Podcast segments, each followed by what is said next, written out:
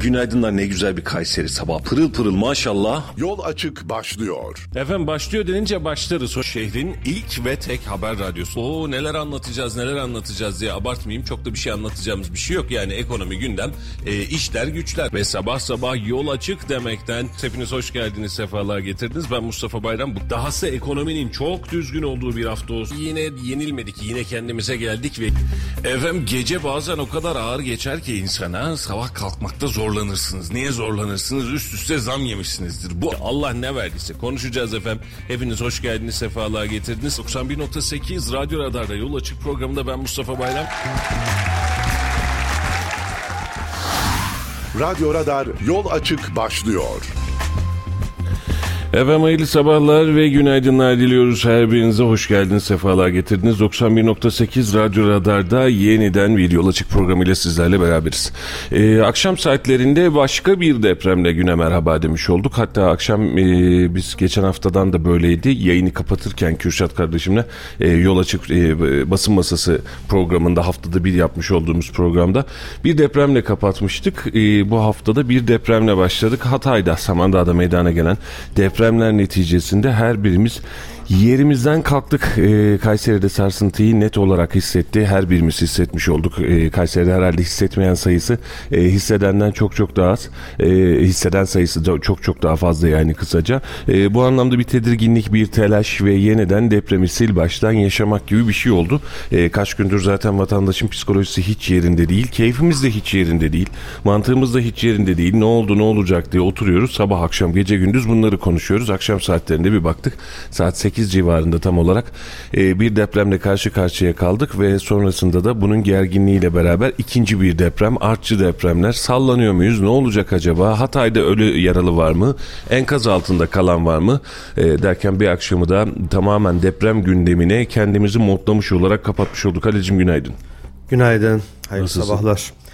İyi olmaya çalışıyoruz Mustafa Bey koca bir depremi daha arka geride bıraktın. Sen deprem hassasiyetinde birazcık daha hepimizden farklısın. E, hislerin, duyguların nasıldı? Yani aynısını nerede yakalandın önce onu sorayım evde miydin? Yok kendi evimde değildim. Ee, bir arkadaşın evindeydik dördüncü kat ama onların evleri de zaten belki 15-20 noktada ciddi çataklar olan ama e, görevler gelmiş sağlam raporu vermişler. Hı. Orada yakalandık. E, haliyle kendimizi dışarı attık. Birçok kişi gibi. Ee, sağlam mıydı bina? Bilmiyorum çatlaklar vardı. Kolonları bilmiyorum. Sağlam raporu verilmiş. Sağlamdır umarım. Valla çok e, fazla miktarda sıkıntıya kalıyoruz Halil. Yani e, Gerçekten e, bunun psikolojisini adlandırmak çok zor ve bunun içinde hiçbir çaremiz yok. İşin kötü tarafı o. Hani keşke bir çaremiz olsa da şuradan buradan ya tamam hadi buna da şöyle bir çare bulalım. Bunu da şöyle atlatalım filan desek çare de bulamıyoruz. Yani yaşıyoruz, yaşıyoruz, yaşamaya da devam edeceğiz. Sadece Samandağ depremiyle alakalı bile 3-4 ay sürebilecek bir artçı süresinden bahsediliyor. Ee, ki beraberindeki Maraş depremiyle alakalı iki büyük kırılma yaşadık. Buradaki dertler var. Akşam e, yayın sonrasında bir miktar böyle uykuyla uyanıklık arasında yayın seyretme ihtimalim oldu. E, daha doğuya doğru gittiğimiz alanda risklerden bahsediyor uzmanlar. Burada bir enerji birikmesinden bahsediyor. Burada büyük bir depremden daha bahsediyor. E, dün e, tam yayından çıktım işte senle görüşürken hatta tam arada da akşam senin de halini hattını sorayım diye aramıştım. İstanbul'dan kardeşim arıyor. Ne yapacağız? Ne yaptın dedim. Sallanıyormuşsunuz siz orada dedi. Valla beşik gibi sallanıyoruz. Sende nasıl durumlar dedim. Ee, orada da çok karamsar. Yani insanlar da karamsar. Bir de İstanbul depremi e, daha ciddi bir yıkımla Allah göstermesin. Görülebilecek bir hadise. Binalar dip dibe. E, ki herkes de zaten orada da aynı fikre gelmiş. Hadi diyor deprem oldu. Hadi diyor bizim binamız yıkılmadı. Biz şehirden çıkamayız. Avrupa yakasındayız. Buradan bize ikmal gelme şansı çok çok zor olur. Hadi bu kısmı geçtik. Buradaki salgın hastalık riski, buradaki risk risk, risk, risk her şey risk. Ee, ona da söyledim bulunduğu yer itibariyle çık gel kardeşim Kayseri dedim. Yani buyur gel. Yapacak bir şey yok. Temelinde zaten Kayseri var. E, bu, bu burası bir anlamda da rahat. E diyor siz de orada hep sürekli sallanıyormuşsunuz. Nasıl olacak diyor. Valla biz sallanıyoruz. Siz sallanırsanız yıkılırsınız. Biz sadece sallanıyoruz en azından. Bu da bir şey yani. En azından böyle bakmak lazım bir şey. Herkesin psikolojisi e, alt üst durumda ve ne halt edeceğimizi bilmiyoruz. Her geçen günde gerginliğimiz de artıyor işin açıkçası. Allah korusun. İşte uzmanlar da bir taraftan e, bunun dün akşamki Hatay'da, Samandağ'da gerçekleşen depremin artçı deprem değil e, münhasır, müstakil, tek başına bağımsız bir deprem olduğundan bahsettiler. Ya teşbihte hata olmasın ama özellikle e, Maraş, Adıyaman, Hatay e, bu bölgelerde e, tabiri caizse herhalde kıyamet yaşanıyor Mustafa Bey. Evet. E, Küçük kıyamet diyelim Evet, onlar küçük için. kıyamet diyelim. Teşbihte hata olmasın. Ee, bir arkadaşım Melikgazi Belediyesi'nde görev yapıyor. Birkaç gündür e, Hatay bölgesindeydi. Daha dün gelmiş. Sohbet ediyoruz. Nasıl diyorum durum diyorum. Hatay ki öncesini biliyor. Daha önce de birkaç defa gitmişti Hatay'a. Hatay diye bir şehir kalmamış diyor. Evet. İskenderun diye bir yer kalmamış. Antakya diye bir yer kalmamış. Yok diyor. Şehir yok. Tamamen diyor e, hayalet şehir görüntüsüne, görünümüne bürünmüş ve sizin televizyonlarda gördüğünüzden daha kötü görüntüler var orada diyor. Hayalet haline gelmiş. Ne, ne olacak? Ne yapılması lazım diyorum. Komple diyor. Yani kalan diyor 3-5 tek tük binalar var diyor. Onlar da zaten hasarlı. Oturulabilir hiçbir yer yok diyor. Komple ne var ne yok diyor. Tamamen yerle bir edilecek. Yani enkaz kaldırılacak, dümdüz edilecek, kurulacaksa diyor tekrar kurulacak.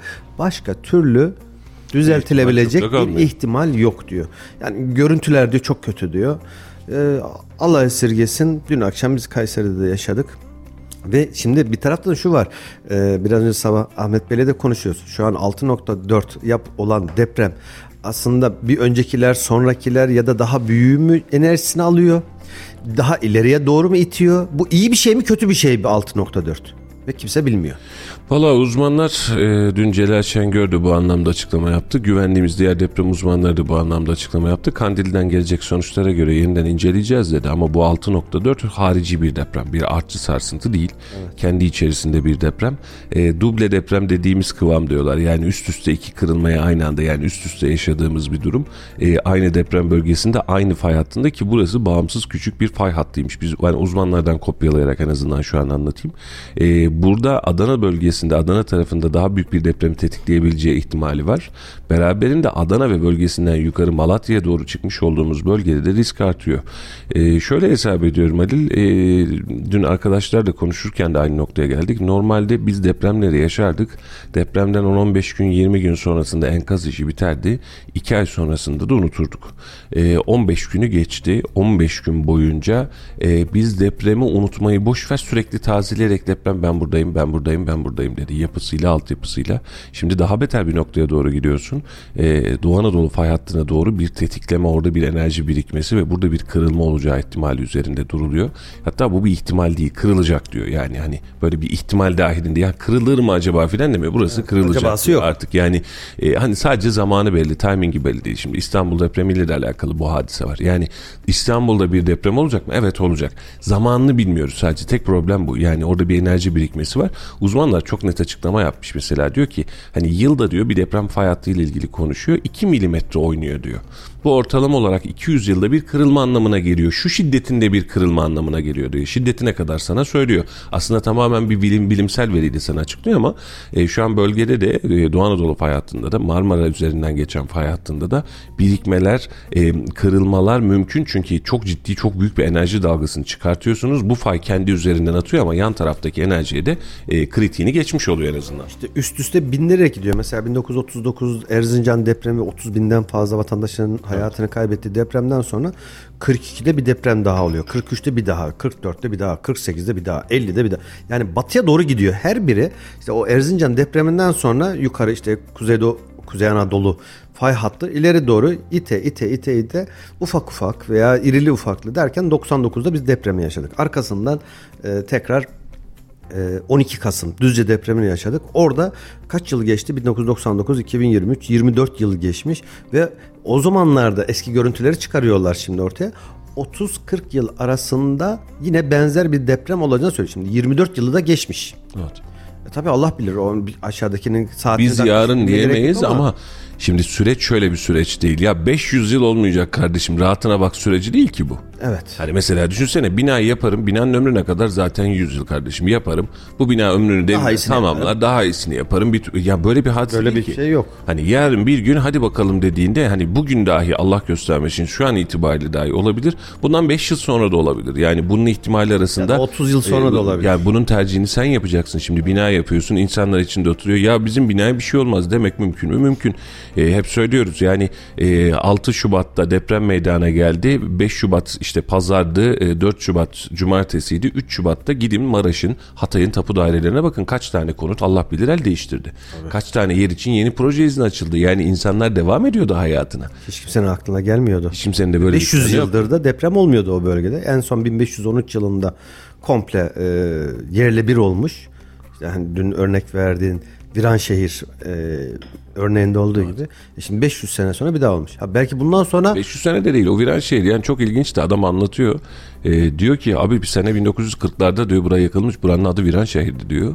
Viran şehirmiş diyor. Daha sonrasında viran olduğu için viran şehir demişler diyor. Sonrasında diyor Doğan şehir yapmışlar diyor. Sil baştan evlerimizi yeniden yaptık diyor. Şimdi yeniden yıkıldı diyor. Yeniden viran şehir oldu diyor. tekrar Viranşehir İyi oldu. de şimdi bizim ısrarımızda da bir anormallik var. Yani koca bir şehir kuruyorsun. Tamam bunun bağlı dinamikleri var ama fay hattının üzerine götürüyorsun, götürüyorsun, şehir kuruyorsun ya.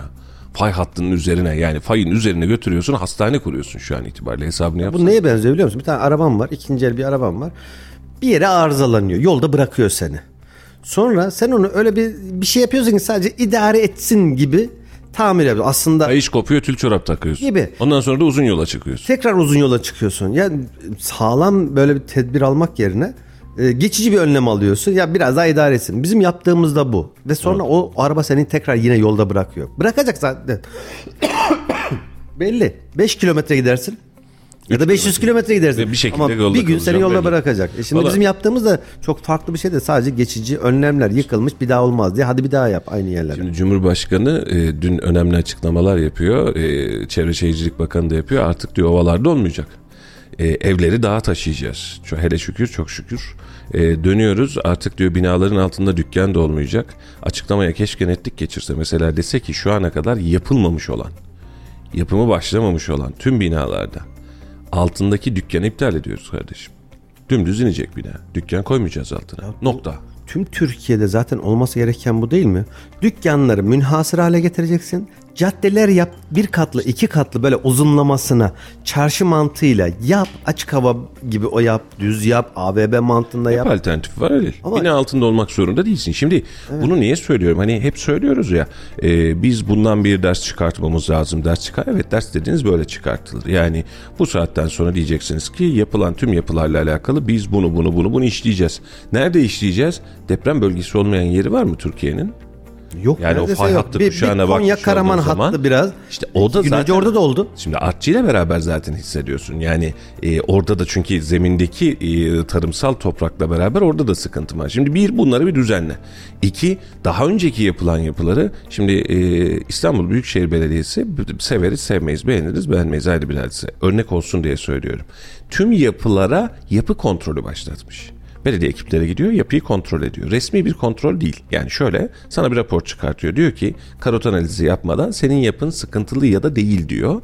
Sen bu bu senin için ön bir proje. Özellikle şu kolon kesmeyi bir kontrol etseler. Ediyorlar mı bilmiyorum ama. Şimdi zaten onun için gidiyor. Şimdi haberlerde vardı. Adam e, normal 5 katlı binanın altına e, eksi birine eksi iki eklemeye çalışırken yakalanmış mesela. şimdi sen bu alanda şimdi gibi belediye ya. şimdi belediye ne işe yarayacak? Kamu ne işe yarayacak? Bu kontrolleri yapacak. Raporunu tutacak. Raporunu tuttuktan sonra vatandaş diyecek ki gel bunu çöz. Çok kritik gördüğü bir yerde çevre şehirciliğe bildirecek. Buraya karot analizi yapılacak ve işi çözümleyecek. Yani bizim bunu kanuni ve altyapısal olarak hani burada CHP'li belediye, AK Partili belediye, MHP'li belediye, İyi Partili belediye diye bakmadan herkes için eşit ve aynı ölçüde uygulanabilir bir anayasa modeli haline getireceksin bunu. Ve bugün itibariyle depremden sarsıldın. Dün sen de sarsıldın Ali. Ne yapabildin? Hiçbir şey. Dua etmekten başka ne yapabiliriz? Korundun aşağıya indin. Doğru mu? Bak korundun deprem atlattın da o da o paniği bitirdikten sonra da aşağı indin. Yapacağımız başka bir şey var mı? Hiçbir şey yok. O zaman yapacağımız şey bu yapıya aklı başında sağlam adam akıllı yapmakla bitiyor iş. Ve bunu yapmak için de gerekli düzenleme neyse eski yapılarımızla alakalı da testimiz, unsurumuz neyse bunu çözmek lazım. Bizim yaptığımız yapılar itibariyle bakalım Halil. Biz tuğlalardan doğru mu? Biriketlerden yapılar yapıyoruz. Yani öyle eskisi gibi taşlardan tek katlı vesaire bin yıl, iki bin yıl, üç bin yıl sürecek yapılar yapmıyoruz. Bu yapıların zaten normal kullanım ömrü 100 yıl değil ki. Doğru mu? Tabii. Şimdi hangi yapılan binayı göster ki bana 100 yıldır 200 yıldır ayakta duruyor. Neyle yapmışlar? Kolon kiriş dökmüşler. Araya da bizim Çorum e, şeyinden koymuşlar. Tuğlasından koymuşlar. Var mı böyle bir hadise? Yok ki. En uzunu zaten 60-70 yıl sürüyor. Kendi içinde zaten çürüyor bu. E sen şimdi bu çürüyeni yeniden e, turn etmezsen hani bunun adına kentsel dönüşümde başka bir şey de de de de biz bunu biz bu, bu yayınlarda da çok fazla konuştuk. Kentsel dönüşüm diye diye diye diye adını tutturduk. Türkü tutturduk. Kentsel dönüşümü sadece rantın müsait olduğu yerlerde, evin para ettiği yerlerde yapmaya çalıştık. Etmediği yerlerde dönüp de kentsel dönüşüm filan demedik. Kentsel dönüşüm dedik. Küçücük küçücük binaları yıktık. Devasa binalar çıkarttık. Yani bunun adı kentsel bir dönüşüm olmaktan çıktı. Kanun ilk çıktığında ben çok sevinmiştim. Özellikle İstanbul'un güncellenmesi adına müthiş bir şey olur demiştim. Kentsel dönüşüm döndü rantsal dönüşüme.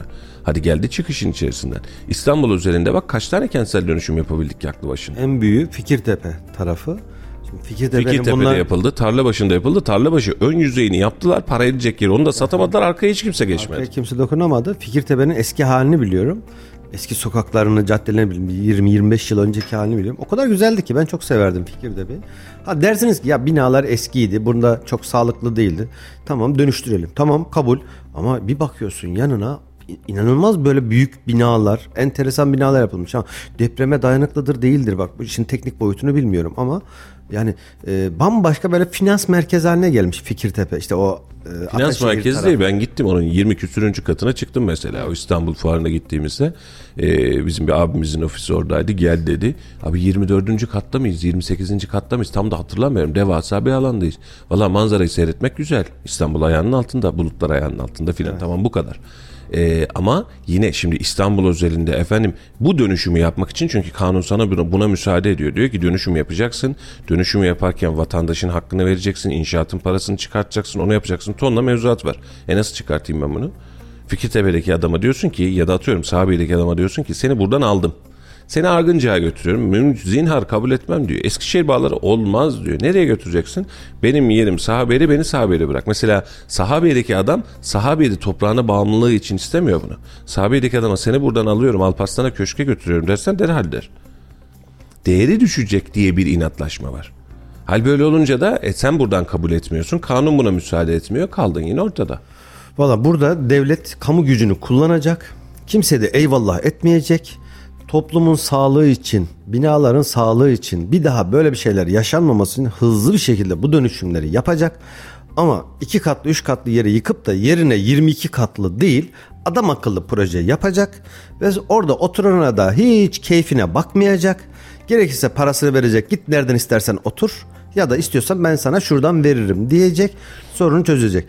Ha bak bunlar yapılacak yapıldıktan sonra o e, arsa sahibi ya da ev sahibi mahkeme mi veriyor? Nereye yapıyorsa verecek ama iş bittikten sonra işi durdurmayacak. Ama bizde ne oluyor? Hemen bir itiraz ve süreç durduruluyor.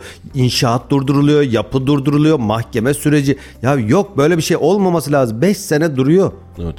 Şimdi Ali Hocam demiş ki Maraş veya Hatay'a depremi hatırlatan açık hava müzesi yapmak lazım. Enkazları kaldırmadan birkaç yıl sonra her şeyi unutacağız demiş. Doğru söylüyor. Madem şehri taşıyoruz enkazlar kudursun şöyle. Böyle belli başlı Tabii, tabii. köşe başlarında böyle halkın yoğun olduğu yerde zarar vermeyecek, olduğu yerde dursun. vesaire dursun. Kesinlikle. Hakikaten doğru bir tespit. Doğru, doğru. Biz gidelim vay be eski Hatay'da buraymış filan diyelim. Eski Maraş'ta buraymış filan diyelim. Hatta böyle kocaman bir tabelayla eski hali oranın canlı eski şu Evet. an, e, depremden önceki hali o bir de enkaz orada Aynen. anıt kendiliğinden anıt gibi olacak orada duracak insanlara da ibret olsun. Ee, dediğiniz gibi yoksa birkaç yıl sonra diyorsunuz hocam da valla birkaç yıla kalır mı biz bunları unutmamız zannetmiyorum ya. Yani ben mesela şöyle bir e, deprem bu kadar üst üste sık tekrar etmese e, işte arama kurtarma bitti vesaire hadi normale dönüyoruz filan diyecektik. E, normale döndükten sonra da fazla değil 15 gün sonrasında bunun da yani bir 10-15 gün sonrasında seçim ne zaman olacak EYT gelecek mi vesaire e, vergi affı ne olacak filan diye bunları konuşmaya başlayacaktık. Gündemimiz değişecekti. Seçim zamanı E, olacak. Seçime girecektik. Seçimde depremle alakalı bir şeyler söyleyecektik ve bitecekti. Hepsi bundan ibaret kalacaktı. Ee, biz bu kısma doğru dönecektik aslına bakarsanız ama işte deprem e, buna da müsaade etmiyor. Yani gündemimizi değiştirmeye de müsaade etmiyor. İyi midir, hayırlı mıdır, hayırsız mıdır bilmem ama gerçekten müsaade etmiyor. Üst üste üst üste bizi zorluyor. 2-3 gündür Halil'le de aynısını yaşıyoruz zaten. Ee, bir bakıyorsun hani e, ya acaba neyse sakinleşti bunu şöyle mi düşünsek biraz sakin olsak akşamına bir artçı. Maraş'tan bir artçı geliyor. Tamam tam Maraş'taki artçıyı bitiriyorsun. Normalleşiyorsun yerleşeceksin. Hafta sonunu aç. Tamam rahat ettik. Ya neyse tamam bitti herhalde diyorsun. Hatay'dan bir başka deprem geliyor. Deprem aslında bas bas bağırıyor. Yani beni unutma diyor. Bak ben buradayım. Beni önemse bu sefer Evet, diyor. Yani Uzmanlar diyor ki Adana'da ve Kıbrıs'ta büyük bir deprem daha bekliyoruz diyor. Evet. Yukarıda Erzincan, işte Bingöl, Erzurum hattında bir daha bekliyoruz diyor. Hadi uyu uyuyabilirsen. Hadi tedirgin olma. Allah'tan Kayseri'de falan bekliyoruz demiyor Halil. Memleketi terk ederdik muhtemelen. Ya Allah esirgesin. İstanbul'da da durum öyle olmuş. Kayseri'de de durum öyle olmuş. Onu açıkça söyleyeyim. Mesela ne yapmış insanlar? Kira fiyatlarına çarpı çarpı çarpı çarpı diye gitmişler. Ev fiyatları da, müstakil ev fiyatları da, kira fiyatları da söylediğin gibi çarpı 2 çarpı 3 oldu şu 15 gün 20 gün içinde. Valla çok garip. E, fırsatçılık mı diyelim, ahlaksızlık mı diyelim. Arz talep Şimdi, iktisadi e, olarak mı diyelim? Aynen öyle. Yine Maraş merkezli e, bize yakın bir alanda Ne biraz olmuş? önce yine bir de evet 4 nokta küsür gibi görünüyor. E, ön e, uyarı bu. Bakalım son uyarı ne çıkacak? Şey AFAD uyarısı değil daha. AFAD ve Kandil uyarısı değil. Şu bizdeki yazılımlar var ya ön uyarı veriyor. Burada bir sallanma var diye rakamı sonra revize ediyor. Şimdi bu kadar fırsatçının evet aynı program. E, bu kadar fırsatçının içerisinde bu kadar fırsat düzgün e, düzleminin içerisinde bizim helak olmamamız herhalde birazcık mucize gibi mi kalır? Yani dün 3 bin lira dediğin ev fiyatını bugün 8 bin lira diyebiliyorsan, dün 1 milyona satacağım dediğin evi 3 milyon diyebiliyorsan, dün 2 milyona e, verseler de hemen satsam dediğin e, villayı yazdığı 5 milyon yazabiliyorsan, bunu da kendine diğerleriyle emsal gösteriyorsan, yani bir de böyle bir emsal durumumuz var. Şimdi adam yeni üretiyor olsa, malzeme fiyatı artıyor olsa vesaire bunlara geçeceğim. Daha fazla değil. Bundan 3 ay 5 ay öncesinde 2 milyona elimi tutan olsa da satsam şunu kurtulsam dediği adam bugün 5 milyondan aşağı inmiyor. Ve o 2 milyonu da ya varsa araban alayım. Varsa 1 milyon 1,5 milyonluk evini alayım. Yani şimdi e, depremden önce Cash on the table diyor. tabii, Para masada bir evi olacak. ha- e, satmak zordu. Evet. Herkes almıyor. Tabii ki tercih meselesi. Hele hele atıyorum Erkilet, Altınoluk ya da ilden bölgesine satmak daha da zordu. Şimdi oradaki müteahhit arkadaşlar örnek veriyorum 2 milyon TL ki örnek olarak da değil gerçek rakamlardan bahsediyorum. 1.750, 1.800 ya da 2 milyonluk bir eve e, diyorlar ki ya ben bunu satmakta zorlanıyorum. Hani Talas'ta, Alparslan'da, şurada burada 1 milyonluk, 1,5 milyonluk evim varsa takasa alayım. Benim onu elden çıkarmam daha kolay. Yani parçalayarak böyle elden çıkarmam kolay derken aynı ev, aynı yer daha bitmemiş. Evet. 5 milyon, 5,5 milyon diyor. Diyor ki vade yok. Takas almam. Al, al- e, araba almam. Öyle bir ay zaman vermem. Sana diyor 3 gün, 2 gün, 3 gün içerisinde diyor. Aldın aldın. Almadın diyor. 5,5 milyondan 6 milyona çıkacak diyor.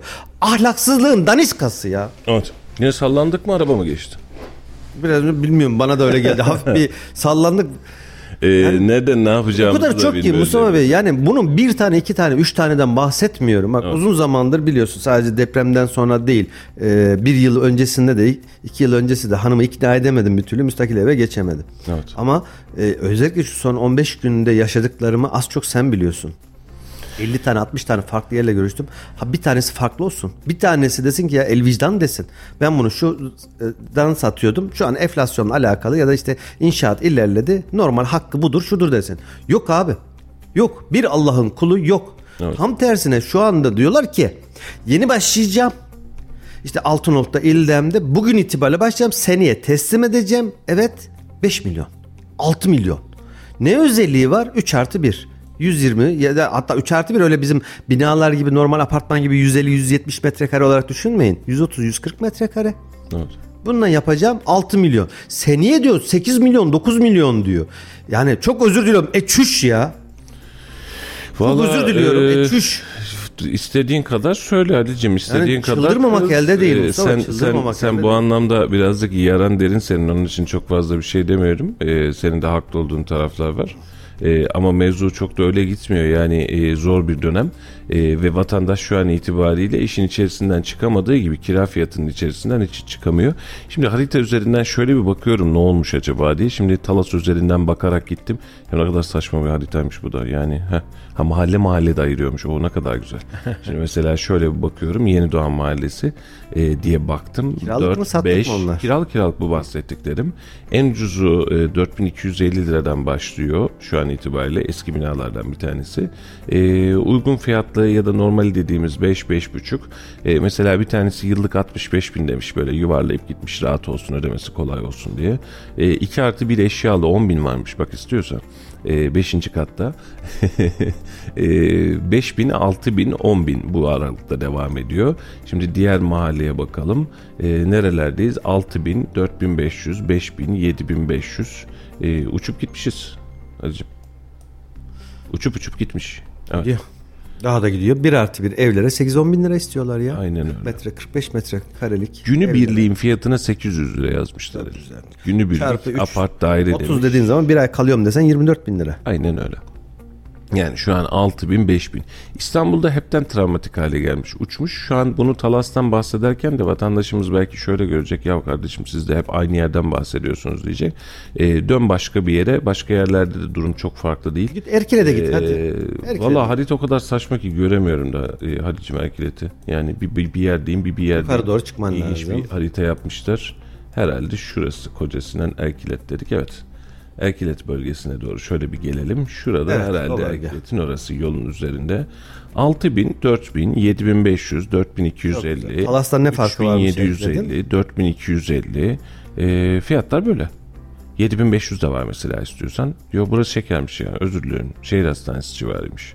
Özür dedim ya harita saçma sapan değil. Şehir hastanesinin de Talas'tan ne Şurası varmış? bizim bakacağımız mesela yeni bloklar. Orada az var. Şurası o zaman. Orada hiç yok. Nerede arkadaş bu evler? Yokmuş. Bilmiyorum. Şura havaalanı olduğuna göre şu yoldan devam. Şurası, şuraya mı bakacağız? Orada bak bir iki tane var. Yok, yok hiç Kavşağın yok. üstü. Üstüne doğru bakacaksın. Hiç yok.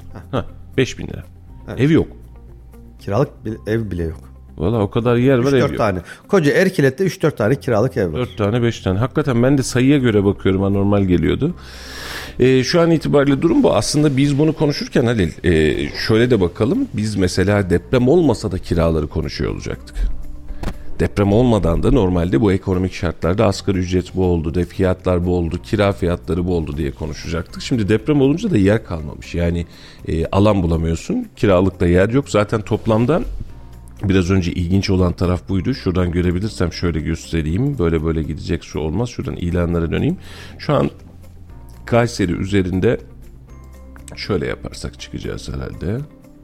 Evet. 522 tane kiralık yer kalmış. Top. Kiralık ev. Aynen. Yani yer kalmış derken ilana çıkan bu kadar kalmış. Bunun 4-5 tanesi Develi'de, 5-8-10 tanesi Develi'de, Yahyalı'da olanlar var, Bünyan'da olanlar var. Kalanı da şehir merkezinde. Bunun içerisinde şehir hastanesi civarında da var. Atıyorum Talat Paşa'da var. Ee, var da var yani her birisinden var. Hangisini istiyorsan bunlardan bir tanesini seçip geçebiliyorsun. Ve e, ev fiyatı da adet fiyatı da dediğim gibi yani hem fiyatlar yüksek. Bak adam yazmış e, bildiğim bağ evi yapsam bağ evi olmaz ama yazmış adam bin lira, iki bin lira, üç bin lira kira olarak yazmış. Nere? Talat Paşa mı? Talat Paşa'da evet. evet. Müstakil ev demiş. doğru giderken. Aynen öyle. Müstakil, Müstakil düşünür müsün? Vallahi artık düşünmeye başladım. Valla Allah hakkımızda hayırlısını versin. Memleketteki hal durum normal değil. Bekir yazmış. Allah vicdan merhamet versin. Geçen yıl 450 liraya daire vardı. Şimdi trilyonlardan bahsediyor. 450 milyon herhalde. 450 bin lira senin bahsettiğin. Bizim şu Çam, Çamoluk otomotive Çamoluk dönecek otomotiv. işimiz. E, Valla e, tespit doğru. Şu an itibariyle daire fiyatlarında bir artış yok. Kira fiyatlarında artış var. Ama beraberinde e, eğer satın almak istiyorsanız tabii ki alırken satarken mantığı var. E, şu an itibariyle herkes benim malım altın diyor. Benim binam sağlam diyor. E, geçtik bu kısmı. Müstakil ev kısmında ciddi sancı var. Belediyeler ve kamu bu, tara bu tarafa hala el atmadı. İnsanlara tarlaları, bağları, bahçeleri açıp tamam kardeşim size müstakil ev için parseller oluşturduk. Projesi de tek tip Eskişehir bağlarında yaptığı gibi. Projesi de tek tip bu tipte tek tipte proje yapacaksınız. İstediğiniz kadar yapın. Buyurun size hodri meydan. Arsa bedeli de 100 bin lira 200 bin lira desen millet koşa koşa gidecek alacak yapacak adını unutacak yaptıracak. Hatta bununla alakalı yeni bir sektör doğacak ama bu kısma hala gelemedik. E, çünkü şu an kimsenin gündeminde bu yok. Şu an hala herkes kendi gündeminde acaba ne kadar daha kendimi iyi edebilirim, ne kadar daha e, deprem bölgesinde bir şey yapabilirim diye bakıyor ama bu tarafta depremden etkilenmeyen ama psikolojik olarak ruhen etkilenmiş bir milyon insan var. Sadece burada. Mustafa yıllardır söylüyoruz bu depremden sonra 15 günlük mesele değil. Bak bütün belediyelerle görüşüyoruz. Öyle ya da böyle bir e, istişare içerisindeyiz. 3 yıl önce de biz aynı cümleleri kuruyorduk. Evet. Geçen sene de aynı cümleleri kuruyorduk. Şimdi de aynı cümleleri kuruyoruz. Ya yapın, açın. Bakın böyle bir talep var. Yeni bir sektör belediye olarak kazanın. Altyapısını yapın, kazanın. Arsa alın, kazanın. Vatandaş kazansın. Bakın bu fiyatlar uçuyor.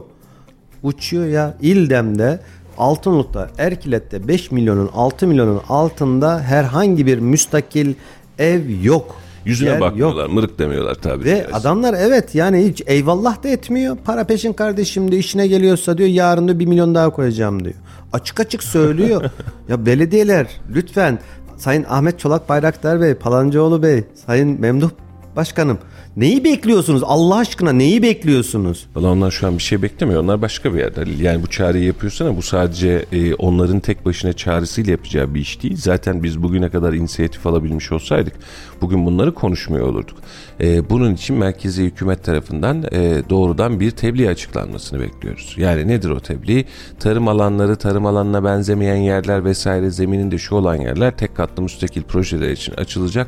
Bu anlamda da e, belediyelere bu anlamda tarlaların değiştirilmesi, dönüştürülmesi için bir ön yazı verilecek. Hadi bunlardan yapabilirsiniz, yaşam alanları oluşturun denilecek ola kes kaza. Ondan sonra da bizim belediyelerimiz gündeme gelecek. Şimdi pandemi döneminde de biz bunun aynısını yaşadık. Bu dönemde de yaşıyoruz. Şuradan bir tane belediye başkanımız, siyasetçimiz buna hepsi için söylüyorum. Kimse kusuruma bakmasın. İnisiyatifi ele alıp kendi meclisine bunu taşıyıp burada ben 50 bin metre, 100 bin metre, 500 bin metre karelik alanı ben bu iş için ayarladım ve uyarladım kardeşim. Ben burada tek katlı müstakil tek tip projeler çıkartacağım dese.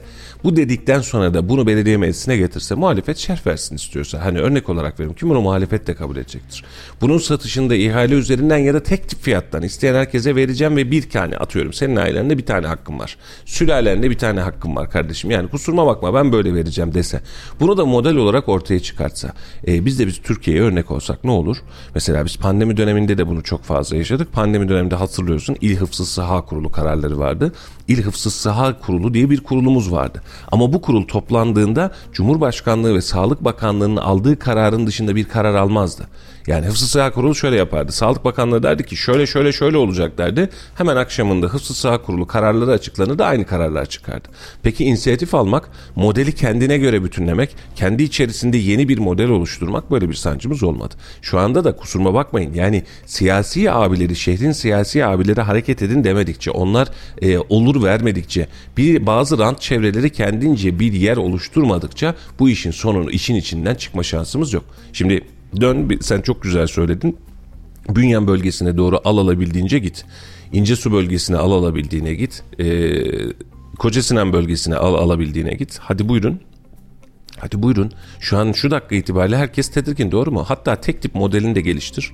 Şu saydığımız yerde 50 bin Prefabrik. tane çok rahat şey, tüm şehri taşırsın. Şehri taşırsın. Şehri oraya. taşırsın ya. E, tüm modelleri de e, şey modelini, ev modelini, yapı modelini de çıkart. Hatta yetmiyor. Kendi imara şeyleri var. De ki ben evi arsasıyla beraber misal olarak veriyorum. Bugün itibariyle 1 milyona çıkartıyorum.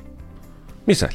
Bu 1 milyonu sen ev teslimine kadar atıyorum 50 bin 50 bin 50 bin ya da 30 binini getir şöyle şöyle şöyle öde. Ardından da konut kredisini bana bunu öde. Belediyeler ihya olur. Kesinlikle. Şimdi 50 metrekare 80 metrekare bir prefabriği arsa maliyetin olmazsa kaç liraya çıkacak ki? 500 bin liraya çıkartıyorlar zaten bunu. Evet. E tamam çıkart arsasını da ver adam da gitsin orada otursun. E, yapmak mümkün ama dediğim gibi bunun için inisiyatif Ya almak artık lazım. hani dün bahsetmiştik ya Türkiye'deki kat ortalaması Kayseri kat ortalaması yayından sonra bir hayli fazla arayan oldu. Ee, konuya dikkat çekmişiz. E artık şu dikey mimari sevdamızdan da e, vazgeçelim de. Yok tam tersine. Biz dikey mimariden vazgeçin dedikçe hala birileri e, nereden medet umuyorlar bilmiyorum. Evimizin yapısı değişecek, katımız azalacak diye belki de düşünenler var. Belki de başka türlü bakıyorlar. Yok diyorlar ya dikey mimari depremle ne alakası var? Depreme dayanıklı da olur diker mimari diyor. Biz de diyoruz ki sadece deprem değil bak bir sallanıyorsun. Bak depreme geçtik. Sallanıyor musun Halicim? Yüksek katta. Zangır zangır. Zangır zangır. Geçtik. iki. Hadi sallanmaya geçtik. Yangın oldu. Afet oldu. Sel oldu. Toplanacak yerin bile minimumda koca koca alanlarda, koca koca ucubelerde ilçeler barındırıyorsun. Yani şimdi adama yapmış 10 e, 18 katlı mıydı şurası? 22 sen- katlı. Şimdi 18 kat yapı var altında da dükkanlar var. 18 katı yok ben sallıyorum Ali rahat ol. 18 katlı yeri yapıyorsun 18 katlı yeri 3 blok 5 blok 8 blok bu kadar insana aynı anda getirdin. Kaç bin kişi eder? Orada 3 bin kişi 2 bin kişi. İlçe kadar ya bir ilçe Aynen kadar öyle. nüfusu sen E bunun neresi mantık? bir yerde ele avuç içi kadar yere biriktirmeye çalışıyorsun. Yaşam alanı yok, nefes alma alanı yok. Bu insanların birbirini ya bak bu Gerekçe bunu ne? depremin öncesinde de konuştuk. 70 yaşındaki bir amcayı götürüyorsun 8. kata 10. kata koyuyorsun. Sen burada yaşa. Aşağı inse inemiyor. Çıksa çıkamıyor. Komşu desen yok. Meşgul olacağı bir şey yok. Ne yapacak bu adam? Kahrından ölür ya adam. Ölüyor zaten. Kahrından ölmeyen de intihar ediyor. E şimdi sen bu dengeyi oluşturamamışsın. Bu toplumsal dengeyi kaçırmışsın. Bizim tüm ayarlarımızı kaçırmışsın. Bana hala diyor ki yüksek binalar sıkıntı değil. Ya kardeşim yurt dışında senin yüksek binalar diye şu an keyifli, lüks diye oturduğun yerler var ya. Bildiğin şehrin işçi sınıfı oturuyor orada. Sen zengin sınıfını bu tarafa çektin. Ben de diyorum ki zengin işçisi fark etmiyor. Ya geçelim tek düzene yer mi yok alan mı yok. 3 kat, 4 kat, mis tertemiz. Her zaman anlatırlar. Ee, Daha önce yayında konuştuk mu bilmiyorum. 80'li yıllarda ya da özel döneminde Amerika'dan bir heyet iş adamları işte Kayseri Organize Sanayi Bölgesi'ne geliyor. Bir takım iş görüşmeleri için diyorlar ki hadi bir şehri gezelim. Bizimkiler de şehri gezdiriyorlar. O zamanın en popüler caddesi neresi? Sivas Caddesi. Bu dediğim 80'li yıllar işte özel dönemi. Gezerken dolaşırken sonra işte Hürriyet tarafından falan geçiyorlar. İşte diyorlar ki ya Sivas Caddesi'ni gösteriyorlar. İşte bizim Kayseri'nin e, ekabil takımı, zengin takımı, lüks takımı burada yaşar. En e, pahalı yer burasıdır falan. İşte Hürriyet'e diyorlar burada da işte işçi ya da daha alt gelir grubuna Amerikalı heyet diyor ki bu- bunu çok anlatırlar. Hikayedir, gerçektir, yalandır. Diyorlar ki ya bizde tam tersi diyorlar. O gördüğünüz koca koca binalarda bizim alt gelir grubu oturur. Müstakil tarz o Hollanda tipi evler dediğimiz evlerde de e, maddi durumu iyi olanlar oturur diyor. Evet. E, acı acı bir gerçek. Şimdi bak gidip Amerika'yı görmeye bizzat görmeye gerek yok ya da dünyanın herhangi bir yerini görmeye gerek yok. El, elimizde Google Earth denilen bir program var, uygulama var. Cadde cadde, sokak sokak, ister uydudan, ister e, böyle yürüme mesafesi insan gözünden görebiliyorsunuz. Ya bir bakın Allah aşkına o kadar güzel bir dizaynlar var ki, o kadar güzel şehircilik var ki bu sadece atıyorum Kaliforniya, New York ya da Washington'dan bahsetmiyorum. Girin böyle haritadan, uydudan hani onların kendi böyle kasaba ya da ilçe dedikleri belki de 3000 5000 kişinin yaşadığı şehirlere bakın. de var. Yani inan o kadar güzel bir Bizde planlama var. var ki. Yani burada Bizde de çay bağlarına gidersen bizde de var. Bak tek katlı düzen var. Ha şimdi öncesinde... Ha, 15 milyon, ucuz 20 olan- milyon. Ya Halil 15-20 milyon da şimdi bak işte bu arsa üretmeyle alakalı planla alakalı bir hadise. Bunun bu kadar rant sağlamasının sebebi de aynı mantık. Aynı mantık. Şimdi şehrin özeline Kayseri'nin geçmişine bir bakalım. Sahabiye bölgesi şehrin ilk kurulum alanlarından bir tanesi doğru mu? Hacı Kılıç Sahabiye bu bölge yani şehrin meydan aksı. En güzel evleri buraya yapmışız. Şimdi burayı çürütmüşüz. Demiş ki burası eskiyor. Biz nereye geçelim? Erciyes siteleri. Bak hemen Sivas Caddesi'ne falan atlanmamış. Erciyes siteleri dibi. Buraya bir şehir kurulmuş. Erciyes siteleri bir miktar hmm, biraz da büyüyoruz. Hadi Sivas Caddesi. Sivas Caddesi'nin ilk bölümü, ikinci bölümü. Daha sonrasında Alparslan. Alparslan'a döndük köşk. Şimdi gidiyor. Olmadı. Yukarıda gül siteleri yapıldı. Olmadı çay bağları. Zenginlik belli mesafelerde kendine bir cazibe alan oluşturuyor. O gün itibariyle kusuruma bakma yani bunu herkes anlatır. Senin baban da rahmetli baban da anlatmıştır. Benimki hayatta o da anlatıyor. E gittik biz bu yeri aldığımız zaman Sivas Caddesi diye bir şey yoktu ki oğlum der. Doğru mu? Buralar Yeşil Mahalle daha kıymetliydi. Argıncık daha kıymetliydi. Çünkü tarım yapılabilecek alanlardı. Buralar kuru kuru yazıydı. E şimdi o zaman oradan arsasını alanlar, o zaman orada planlamayı buraya doğru çevirenler şöyle düşün. Meydandasın, Sabiye'desin. Planlamayı nereye doğru çevirmişin yönünü? Sabiye'ye doğru çevirmişsin. Niye Erkilet'e doğru çevirmedin? Çünkü orası sahipliydi. Ora köylünün de, ora kentlinin de ufak ufak arsaları vardı. İyi oyun Bir- birileri büyük büyük metrekareler de arazi alamıyordu. Aynen öyle. Şimdi sen bu tarafa doğru yönelttin. Yetmedi. Köşkte dönüşüm dedin. Arka tarafa geçtin. Eski küçük küçük iyi atı yatı yerler vardı. Aldın, yaptın, ettin, eyledin. Burayı da dönüştürdün. Döndün Yıldırım Beyazıt'a. Yıldırım Beyazıt'ta çok tutmadı. Niye tutmadı? Sahiplisi çok. Sahiplisi çok çok gitmedi. E sonra döndün çay bağları gibi bir alan keşfettin. Burası senin bağ alanlarındı zaten. Koca koca yerlerin vardı yani. 10 dönüm, 20 dönüm, 50 dönüm yerin vardı. Bağ indi ya yani bağ gibi yerdi. Döndün burayı dönüştürdün. E peki kardeşim bunu hep söyleriz. Hatta Bekir Yıldız bu anlamda çok fazla eleştirilmişti hatırlarsın. E koca Sinan'a niye hiç gitmedik? Niye hiç bura değerlenmedi? Sahipleri vardı o yüzden. Şimdi bir bakıyorsun o hemen e, adliyenin karşı tarafında hukuk binalarının vesairenin yapıldığı yerler var. Bir orada bir 3-5 tane site yapıldı. E, Sümer'in eski arazisi e, Sümer fabrikasından alınıp ranta çevrildiği için orası yapıldı. Peki diğer kısımlar abi niye yapmadık? Gördük Hukuk Plaza'nın geçenki büyük depremde içinin halini. Her yer çatlamış, her yer kırılmış. Altında bir yorum vardı e, takipçilerimizden biri Hukuk Plaza için. Diyor ki hukuka uygun yapılmamış diyor. Çok Evet. güzel bir tespit. O fırtınada da gitmişti oralar. Biliyorsun hatırlıyorsun. Şimdi rant neredeyse e, kamu demeyeceğim ama siyaset ve bürokrasi yönünü oraya çeviriyor. Rant var burada çünkü. Şimdi basit bir özellikle gidelim yine aynı mantıkta. Şimdi bir kardeşim e, Hakan hocam yazmış. Hürriyetteki o güzelim evleri de yıkıp 5 katlı bina yaptılar. Bakın dönün Yenişehir'de, e, Sümer'de doğru mu? Yeni mahallede iki katlı çok güzel yerler vardı. E niye girmediniz bugüne kadar? Güzel güzel gidiyordu öyle. Öyle gitseydiniz ya beraberinde devamında. İşte Hiç orada kimse gitmedi. rant yok. Rant yok. Rant olmadığı zaman şehir gelişmiyor. O zaman ya siyasetçiye rantı baştan vereceksiniz ya da rant isteyen siyasetçiyi devreden alacaksınız. Sen bir çekil bakalım arkadaş şuraya diyeceksin. Şu an meselem senin cebinin paranın dolması mı? Hadi elindeki her şey mi canın mı? Elindeki her şey mi güvenliğin mi? Ya geçelim artık bunu. Vatandaşın canıyla sağlığıyla şu an kira fiyatlarını ev fiyatlarını arttıran adamlardan bahsediyoruz. Net söylüyorum bunu son 30 yılın 40 yılın siyasetçilerinin tamamına söylüyorum. Artık çıkın şu rant olayından. Bir çıkın. Yönünüzü bir insana çevirin, yönünüzü bir ahlaka çevirin. Sen şu an desen ki Erkilet'in bak Hıdrellez'in tepesinde orada koca koca tarlalar var biliyorsun değil mi? Hıdrellez'in tepesinde tek katlı parseller oluşturuyorum desen vatandaş oraya da gidecek. Sen yeter ki altyapısını sağla. Sen yeter ki burada izinler ver. Olmaz ora tarla vasfı. Tarla yani tarla diyorsun da kardeşim dağın üstü. Tarla olmayan yerler de var. Dağın üstü. Hayır ya tarla olanı e, çok özür diliyorum Halil buğday ekiyoruz. Bizim koca koca yazılarımız var. Sulu tarım yapılan filan bir yer değil burası. Buğday ekiyoruz, arpa ekiyoruz doğru mu?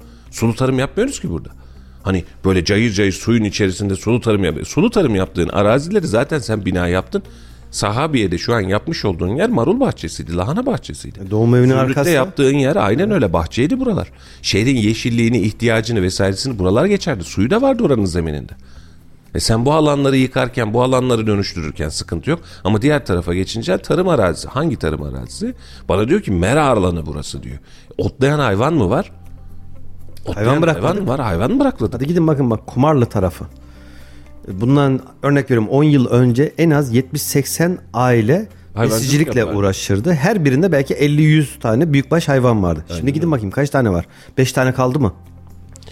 Şimdi bir kardeşim yazmış. Belediyelerin birinci derece geliri arsa ama bu dediğinizi yapmazlar. Güneşli'de açık arttırmayla sattılar arsayı. Geçen yıl 250 bine sattıkları arsa 650 bin lira olmuş. 650 bin ise hala iyi dostum. Yani Şu dönemde hala yıl- iyi. Yani şunun için söylüyorum. Geçen yıl 250 bin lira dediğiniz para zaten bu yıl 500 bin lira oldu. Enflasyon %100 etkiledi. Hani adam da üzerine 650 dediyse 600'e de bitirilirse o pazarlık herhalde normal.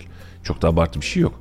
Yani e, bizim enflasyonumuz da bir çıldırmış olduğu için, kafayı yemiş olduğu için hangisini nereden beğendireceğimize bakacağımızı da bulma şansımız yok. Yani biz bunları konuşuyorduk normalde deprem olmadan önce yayın akışımızda. E, ama şu an e, gündem depreme döndü. Ama bizim hala bir enflasyon gerçeğimiz var. E, deli gibi devam eden bir enflasyon gerçeğimiz var. Yani ve bunu da artık azaltmak için işte marketler fiyatları sabit tutsun. Bir ay boyunca tuttular. Sonra ne yaptılar? Sonra ne yaptılar? Hiç konuşuyor muyuz haftalık bunları? zamlar gelmeye başladı. E, Valla memleketçe bir dirilişe ihtiyacımız var. Memleketçe bir yeniden yapılanma ihtiyacımız var. Maraş'ı nasıl, Hatay'ı nasıl yeniden inşa edeceksek Halil memleketin aklını ve ufkunu da sil baştan inşa etmemiz lazım. Bunu da söylerken bunların tamamını siyaset dışı söylüyorum. Bak bunların tamamını Hatay'daki bahsetmiş olduğum belediyede CHP belediyesi. Fark eden bir şey yok. Hiçbir şey Eğer değişmiyor. akıl ve mantık aynı yerde durursa, vicdanın üzerinde elin varsa o zaman bu memleketi doğru düzgün yönetirsin. Ama bizim şu anki siyaset mekanizmamızın tamamında ne yazık ki işin içerisinde rant var. Bakın bunu her daim söylüyoruz. Yarın bir gün milletvekili seçimleri gelecek, belediye başkanlığı seçimleri gelecek. Milletvekili, belediye başkanı kaç lira maaş alır ki? 5 yılda ne kadar gelir elde eder ki diye bakıyorsun. Adam elde edeceği gelirin 3 katını, 4 katını seçim öncesinde harcıyor. Ondan sonra diyorsunuz ki bu adam çalmıyor. Nasıl çalmıyor? Bu adam çırpmıyor nasıl çırpmıyor? Şimdi sen düşünsene hadi sen bir işe girmeye çalışıyorsun 5 milyon para harcamışsın işe girmek için işten elde edeceğin gelir 2 milyon. Bunun için yapar mısın bunu? Hiç kimse yapmaz. Siyaset yapısında sadece zenginin kazandığı şimdi dün bir e, severiz de Allah var işi rast gelsin bir kardeşim geldi diyor ki abi şu partiye söyledim diyor. İkinci sıranızı istiyorum 10 milyon bütçe dedim diyor. Birinci sıra hayırlı olsun dediler bana diyor. Yani bu farazi konuşma hani şey değil hani genel merkez tabanlı konuşma değil. Parası olanın milletvekilliği seçildiği, parası olanın hali hazırda süreci kontrol ettiği bir düzeneyi biz kendi ellerimizle oluşturduk. Yani şuradan çıkıp da çiftçi Mehmet amcamızı hiç milletvekili göremedik. Görmedik gelmedi de oraya yani o bölgeye de gelmedi. Biz de mantık olarak hep şöyle baktık gündem önünde kim var? Parayı harcayan kim var? Kıyafeti düzgün olan kim var? Hmm, bak bu milletvekili olabilirmiş. Niye? Parası olmayan olamıyor mu? Aklı mı yok parası olmayanın? Mesela biz milletvekillerini seçerken ne hikmetse hep iş adamlarından böyle kelli felli ve geliri olan bürokraside bir yere gelmiş adamlardan bahsettik. Bilim adamlarından hiç milletvekili yapmadık. Memleketimizin adamlarından hiç milletvekili yapmadık. Üniversiteden kaç tane hocayı tuttun da milletvekili yaptın Halil bugüne kadar? Doğru mu? Bir kaç tek tanesi var? 1994 seçimlerinde benim hatırladığım Erciyes Üniversitesi'nde profesör doktor olan e, Sayın Nurettin Kaldırımcı hocamız vardı. Benim de hocam da o zaman üniversite Adını bile okurken. hatırlamıyorsun. E, iki dönem e, milletvekili yaptı o zaman Refah Partisi döneminde. Sonrasında Devlet Planlama Teşkilatı'nda da görev yaptı. İnanılmaz böyle zeki, kültürlü, liyakat sahibi tam anlamıyla ve bilim adamı diyebileceğimiz tarzda e, işin ehli biriydi. Aklımda sadece o var. Başka? Yok. Şimdi bu, bu bu anlamda da ne yapıyoruz? Bilimi arka plana attığımız bir devlet yönetimi siyaset mantığıyla kurdu kuzuya, kuzuyu kurda boğduruyoruz. Niye? Adam diyor ki ya sen ne bilirsin hoca diyor. Sen ne bilirsin bilmezsin diyor seçmen böyle istiyor diyor. Ne demek ya? Yani bunun birinin illa hoca olması anlamına gerekmiyor. Yani illa bir üniversitede akademisyen vesaire title üzerinden bahsetmiyorum. Bilimin ışığında, aklın ışığında devlet yönetimine katkısı bulunabilecek insanları devlet bürokrasisinde bile yer tutturmuyoruz. İşte bunun için liyakattan bahsediyoruz. Bunun için adaletten bahsediyoruz. Liyakat niçin var? İşte bu nedenle var. Ama liyakati sen başta siyasini seçerken dahil aynısını yapacaksın. Vallahi. Mesela çevre şehircilik planlama uzmanı bir belediye başkanımız var mı? Yok. Avukat var, doktor var. Doğru mu? Ya işletme, iktisat, ekonomi bitiren bile yok ya. Avukat var, doktor var başka. Bu memleketin yarısı belediye başkanlarının ya da siyasilerin yarısı avukat. Gerçi Ahmet Başkan var, inşaat mühendisi. Heh. Bir, bir oradan azıcık ucundan e, kurtarıyoruz. bak şahsım adına söylüyorum Mustafa. E, bundan sonraki seçimlerde ister yerel seçim olsun ister genel seçim olsun e, partilerin söylemlerinde ben artık şuna dikkat edeceğim. Ben şehirleri şu şekilde planlayacağım. E, ben bünyemde jeoloji mühendislerini ya da bilim kurulu oluşturacağım. Onlar ne derse harfiyen uyacağım. Danışman bir ekip kuracağım. Ve ben artık yaşanabilir, dikey mimariden vazgeçip yatay mimariye geçip depreme dayanıklı evler yapma sözünü vereceğim. Bunu da şöyle şöyle yapacağım. Öyle lafla değil.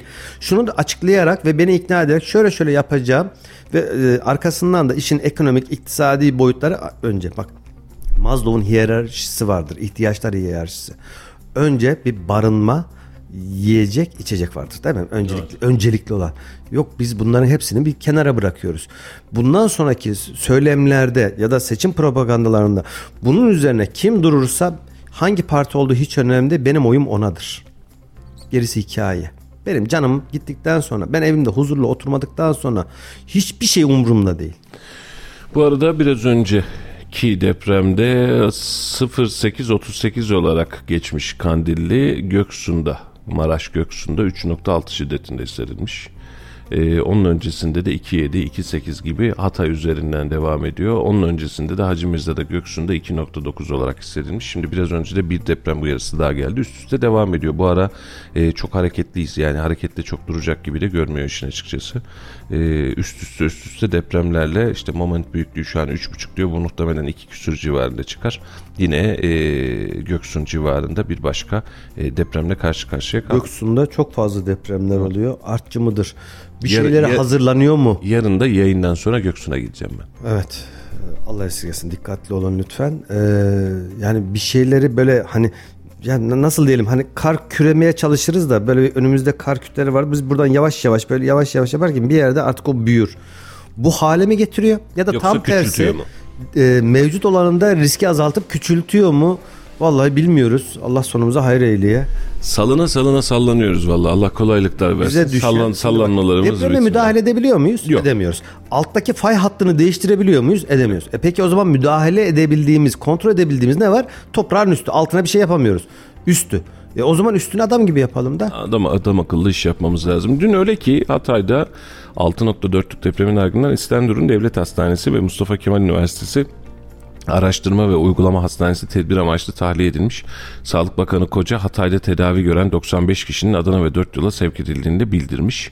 E, dün cidden panikletti hatta tsunami uyarısı yaptı. AFAD daha sonrasında da uyarıyı geri çekti. Uyarıya risk durumuna incelemeler sonrasında yoktur diye. Tedbir amaçlı bir Tedbir amaçlı bir tsunami uyarısı yapılmıştı. E, bununla yaşamaya alışacağız mı bilmiyorum ama bu dönem çok fazla kendini hissettirecek. Dünkü Hatay depreminde ardarda arda duble deprem, double depremden sonra 6 can kaybı 294 yaralımız var. Ee, en büyüğü 5.8 olan 32 artçı sarsıntı kaydedilmiş dün akşam saatleri itibariyle.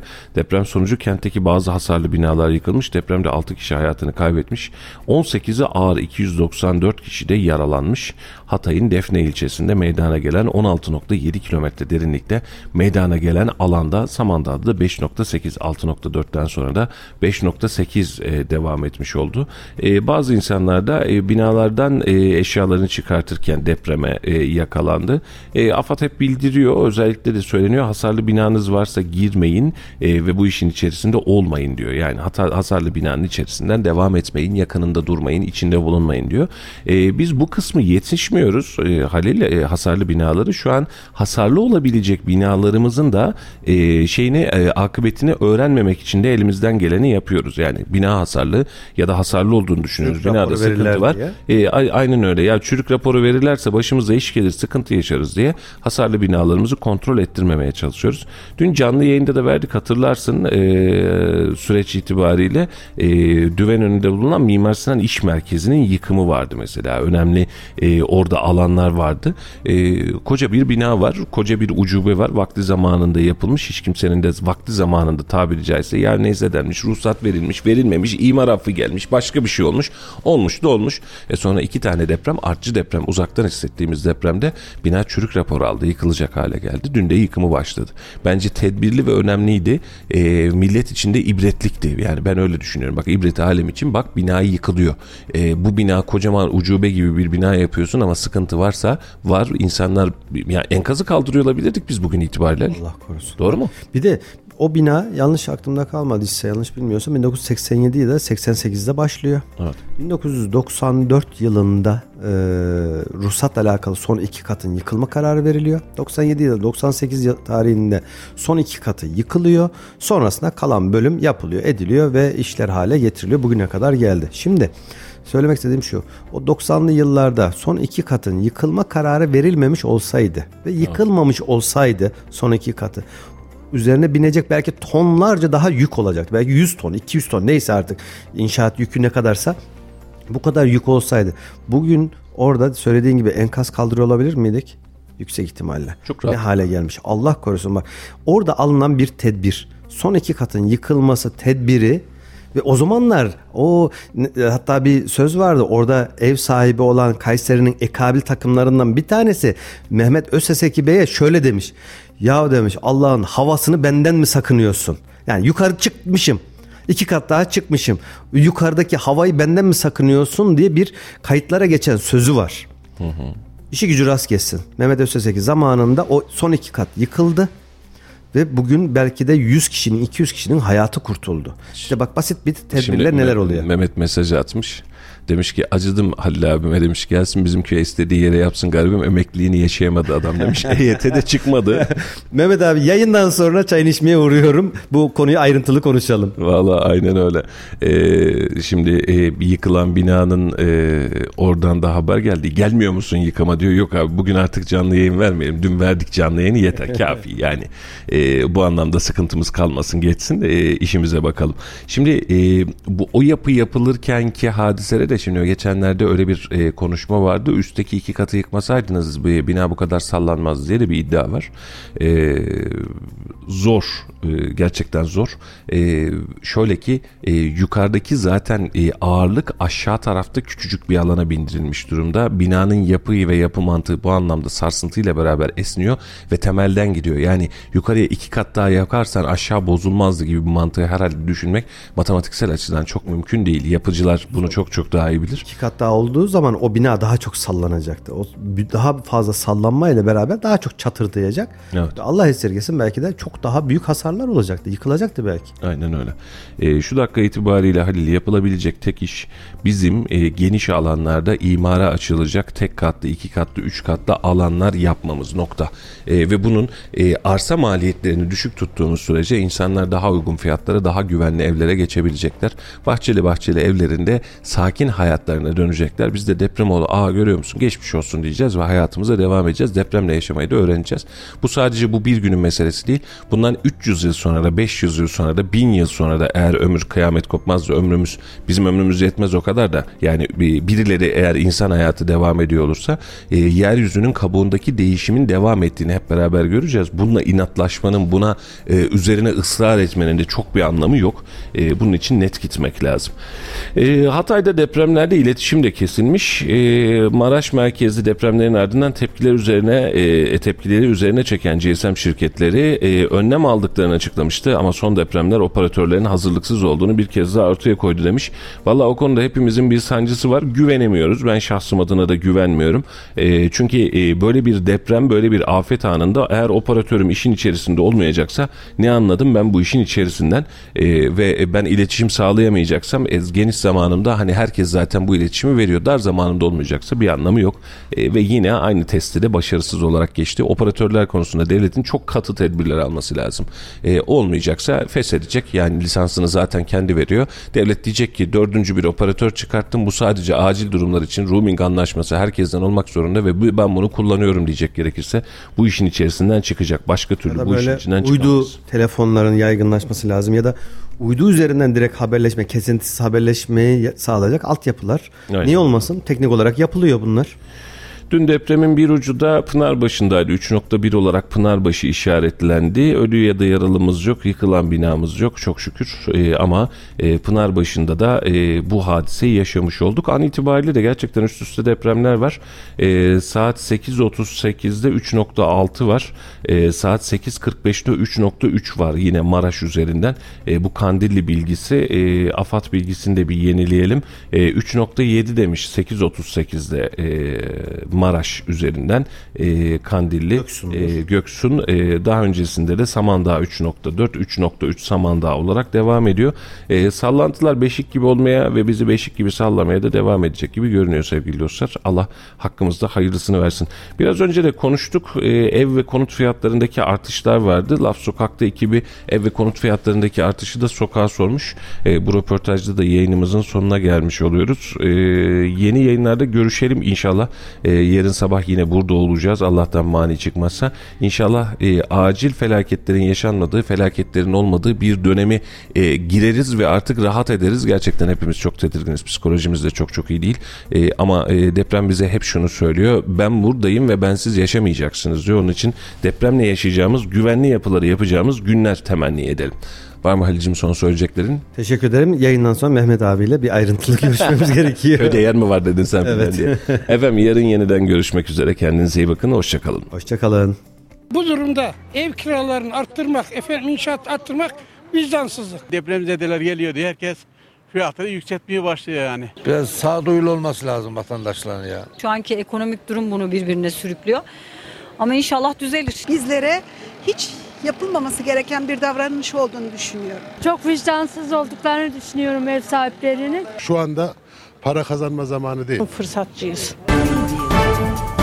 Kayseri'de kiralarda ve konut fiyatlarında artış oldu. Bu konu hakkında ne düşünüyorsunuz? Allah o fırsatçılara bu fırsatı vermesin. Ülkemiz büyük bir sınavdan geçiyor. Allah'ın vermiş olduğu bir afet. Hani biz bunu insan olarak insanlığımızdan utanıyor bazen bu şeyleri duyduğumu.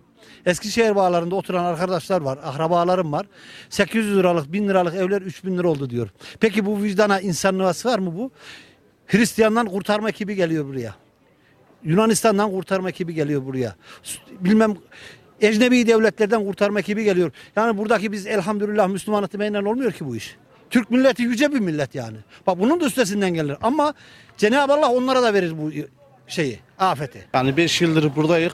Gerçekten de yani e, artışlar devam ediyor bu şekilde yani. Hani bütün depremzede mağdurlarına karşı yapılan e, bu artışları yani gerçekten de kınıyoruz yani. Yani tek burası değil, bütün illerde şu anda yani bu şekil yani. Buna e, bir devlet bir el atması lazım yani gerçekten de bunlar için. E, Deprem sonrası insanlar e, bu bu felaketten faydalanmak için karakter yoksunu bir şekilde hareketler sergileyerek kira ondan sonra bütün her şey zaten arttı. Zaten son dönemde bütün fiyatlar arttı. Bunu yapan fırsatçıdır. bizim ülkeye ihanettir yani bu. Başka söyleyecek bir şeyim yok. Teşekkür ederim. Konut fiyatları çok yükseldi. Türkiye'de her şey yükseldi. Biz yurt dışından geliyoruz. Ee, yurt dışındaki arkadaşlar burası çok iyi falan diyorlardı ama gördüğümüz kadar gerçekten yaşanılacak gibi değil. Yani kira fiyatları olsun, ev fiyatları olsun. Avrupalıların bile alamayacakları fiyatlara geldi. Yazık bu vatandaşa ne diyelim yani. Bir şey yapamazsın ki. Elinde ne yapsın ki? Devlet devlet baba ne yapsın ki? Elinde gelse de gerekeni yapacak. Ama gelmeyince ne yapacak? Bunu devlet yapmıyor, ev sahipleri yapıyor. Bakılandıran ev sahipleri. Devlet yapmıyor bunu. Devletin bile haberi olmaz.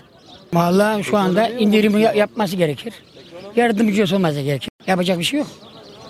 Vallahi biraz vicdanlı olmak lazım ya. Birlik beraber olmamız lazım ya. Her şeyi değerlendirir. Ee, benim de evim var ama böyle bir vicdansızlık yapmıyorum ben. Biraz sağduyulu olması lazım vatandaşların ya. Valla insanlar bunu bu durumu yaşadığımız felaketi fırsat olarak değerlendiriyorlar. Onun çok büyük etkisi var. Ama bu olması gereken bir durum değil tabii. Tasvip etmediğimiz bu durum. Bence yanlış bir uygulama. Ama ne yapılabilir onu da bilmiyorum. Bu e, şey projesi var. De, devletin açmış olduğu bir şey var. Evim evin olsun diye bir şey var. Ama onlara kimse şey bakmıyor tabii. Cazip bakmıyor. İlgilenmiyorlar evet. Maalesef piyasa birbirini takip ediyor. Hepsi aynı şekilde bir sürküle ediyor. O yüzden yani e, hani kiracılara da haksızlık, ev sahiplerine de haksızlık aslında. Maalesef şu anki ekonomik durum bunu birbirine sürüklüyor. Ama inşallah düzelir. Yani temennimiz bu. Herkes için hayırlısı. Öyle bir şey varsa vicdansızlık yapıyorlar. Yani olmaması lazım. Onlar, onlar da vicdansızdır. Başka bir şey diyemem yani. Valla ben yapanların çok vicdansız olduğunu düşünüyorum. İnsanlığa sığmayacağını, Müslüman bir ülkede Müslüman olarak yaşadığımız bir millet olarak bizlere hiç yapılmaması gereken bir davranış olduğunu düşünüyorum. Ben de çok vicdansız olduklarını düşünüyorum ev sahiplerinin. Hem de bir de depremzedelere bedava verilmesini istiyorum. Bu kadar. Yani her şeyle aynı. Bugün esnafa gidiyorsun. Dünkü aldığın fiyat uymuyor. E, soruyor niye? Her gün zam geliyor. Zamı yapan kim? Ne için? Anlamakta zorlanıyoruz ama bu biraz da depremzedelerle ilgili. E, ben de Allah'a şükür gidip geldim biraz ilk başta destek verdim. E, ayıp bir şey yani ya. Ayıp bir şey. Burada bir sürü insan var evini bedava açıyor. Benim de bir arkadaşım var. O da villa tipi bir evini istedikleri kadar kalsın dedi. Yani şu anda para kazanma zamanı değil. Şu anda insanlık yapma zamanı. Benim fikrim öyle. Fırsatçıyız. Kısacası Allah vicdan merhamet versin. Empati diyorsunuz ya, empati yapsınlar. Kendilerini çaresiz insanların yerine koysunlar. Bu kadar. Söyleyeyim ki insanların parası mı var ki konutlarda alsınlar yani. Söylenecek bir şey yok. Kızım bu konuda şunu söyleyeyim vicdansızlık başka bir şey değil. Çünkü bu kadar fırsatçılık olmaz. Bunu ödeyen var ödemeyen var. İnşaat sektörü zaten belli. Tamam mı? Ama yazık. Allah'ın bu fırsatçılara e, fırsat vermesin. İyi bir şey değil. Şu anda birlik ve beraberlik olma zamanımız. Bir sürü can gitmiş, bir sürü çocuk gitmiş, bir sürü evsiz barksız insanlar kalmış. Bu durumda ev kiralarını arttırmak, efendim inşaat arttırmak vicdansızlık. Başka bir şey demiyorum. Şimdi depremzedeler geliyor diye herkes fiyatları yükseltmeye başlıyor yani. İki tane, üç tane aile kalacak diye. Ama onu nasıl kalacak, nasıl çiğdeyecek onu bilen yok yani. Konut fiyatları da aynı. Hani 3-5 tane müteahhit almış eline götürüyor. Başka bir şey yok. Yıkıldınca da Avrupalara kaçıyor, oraya kaçıyor, buraya kaçıyor. Buna yani devlet ya da belediyeler bir şey de yapması lazım. Yani bunu da yapmadığı sürece insanların varlığını dahi söylüyor yani. İyiliklerine kadar sömürüyorlar. Şimdi oradaki insanların kazandığı, var oldu. Bitti gitti yani. Başka bir şey yok yani. Aynı burada da aynı. Değişen bir şey yok yani. Şimdi 4 bin lira yapmış, 3 bin lira yapmış. Asgari ücret alan kişi bunu nasıl ödeyecek yani? İnanın yani yani enflasyon yok diyorlar. Affedersiniz her yumurtaya da her gıda maddelerine dahi her şeye zam yapıyorlar. Yani bu kadar başka bir şey diyecek şeyim yok yani.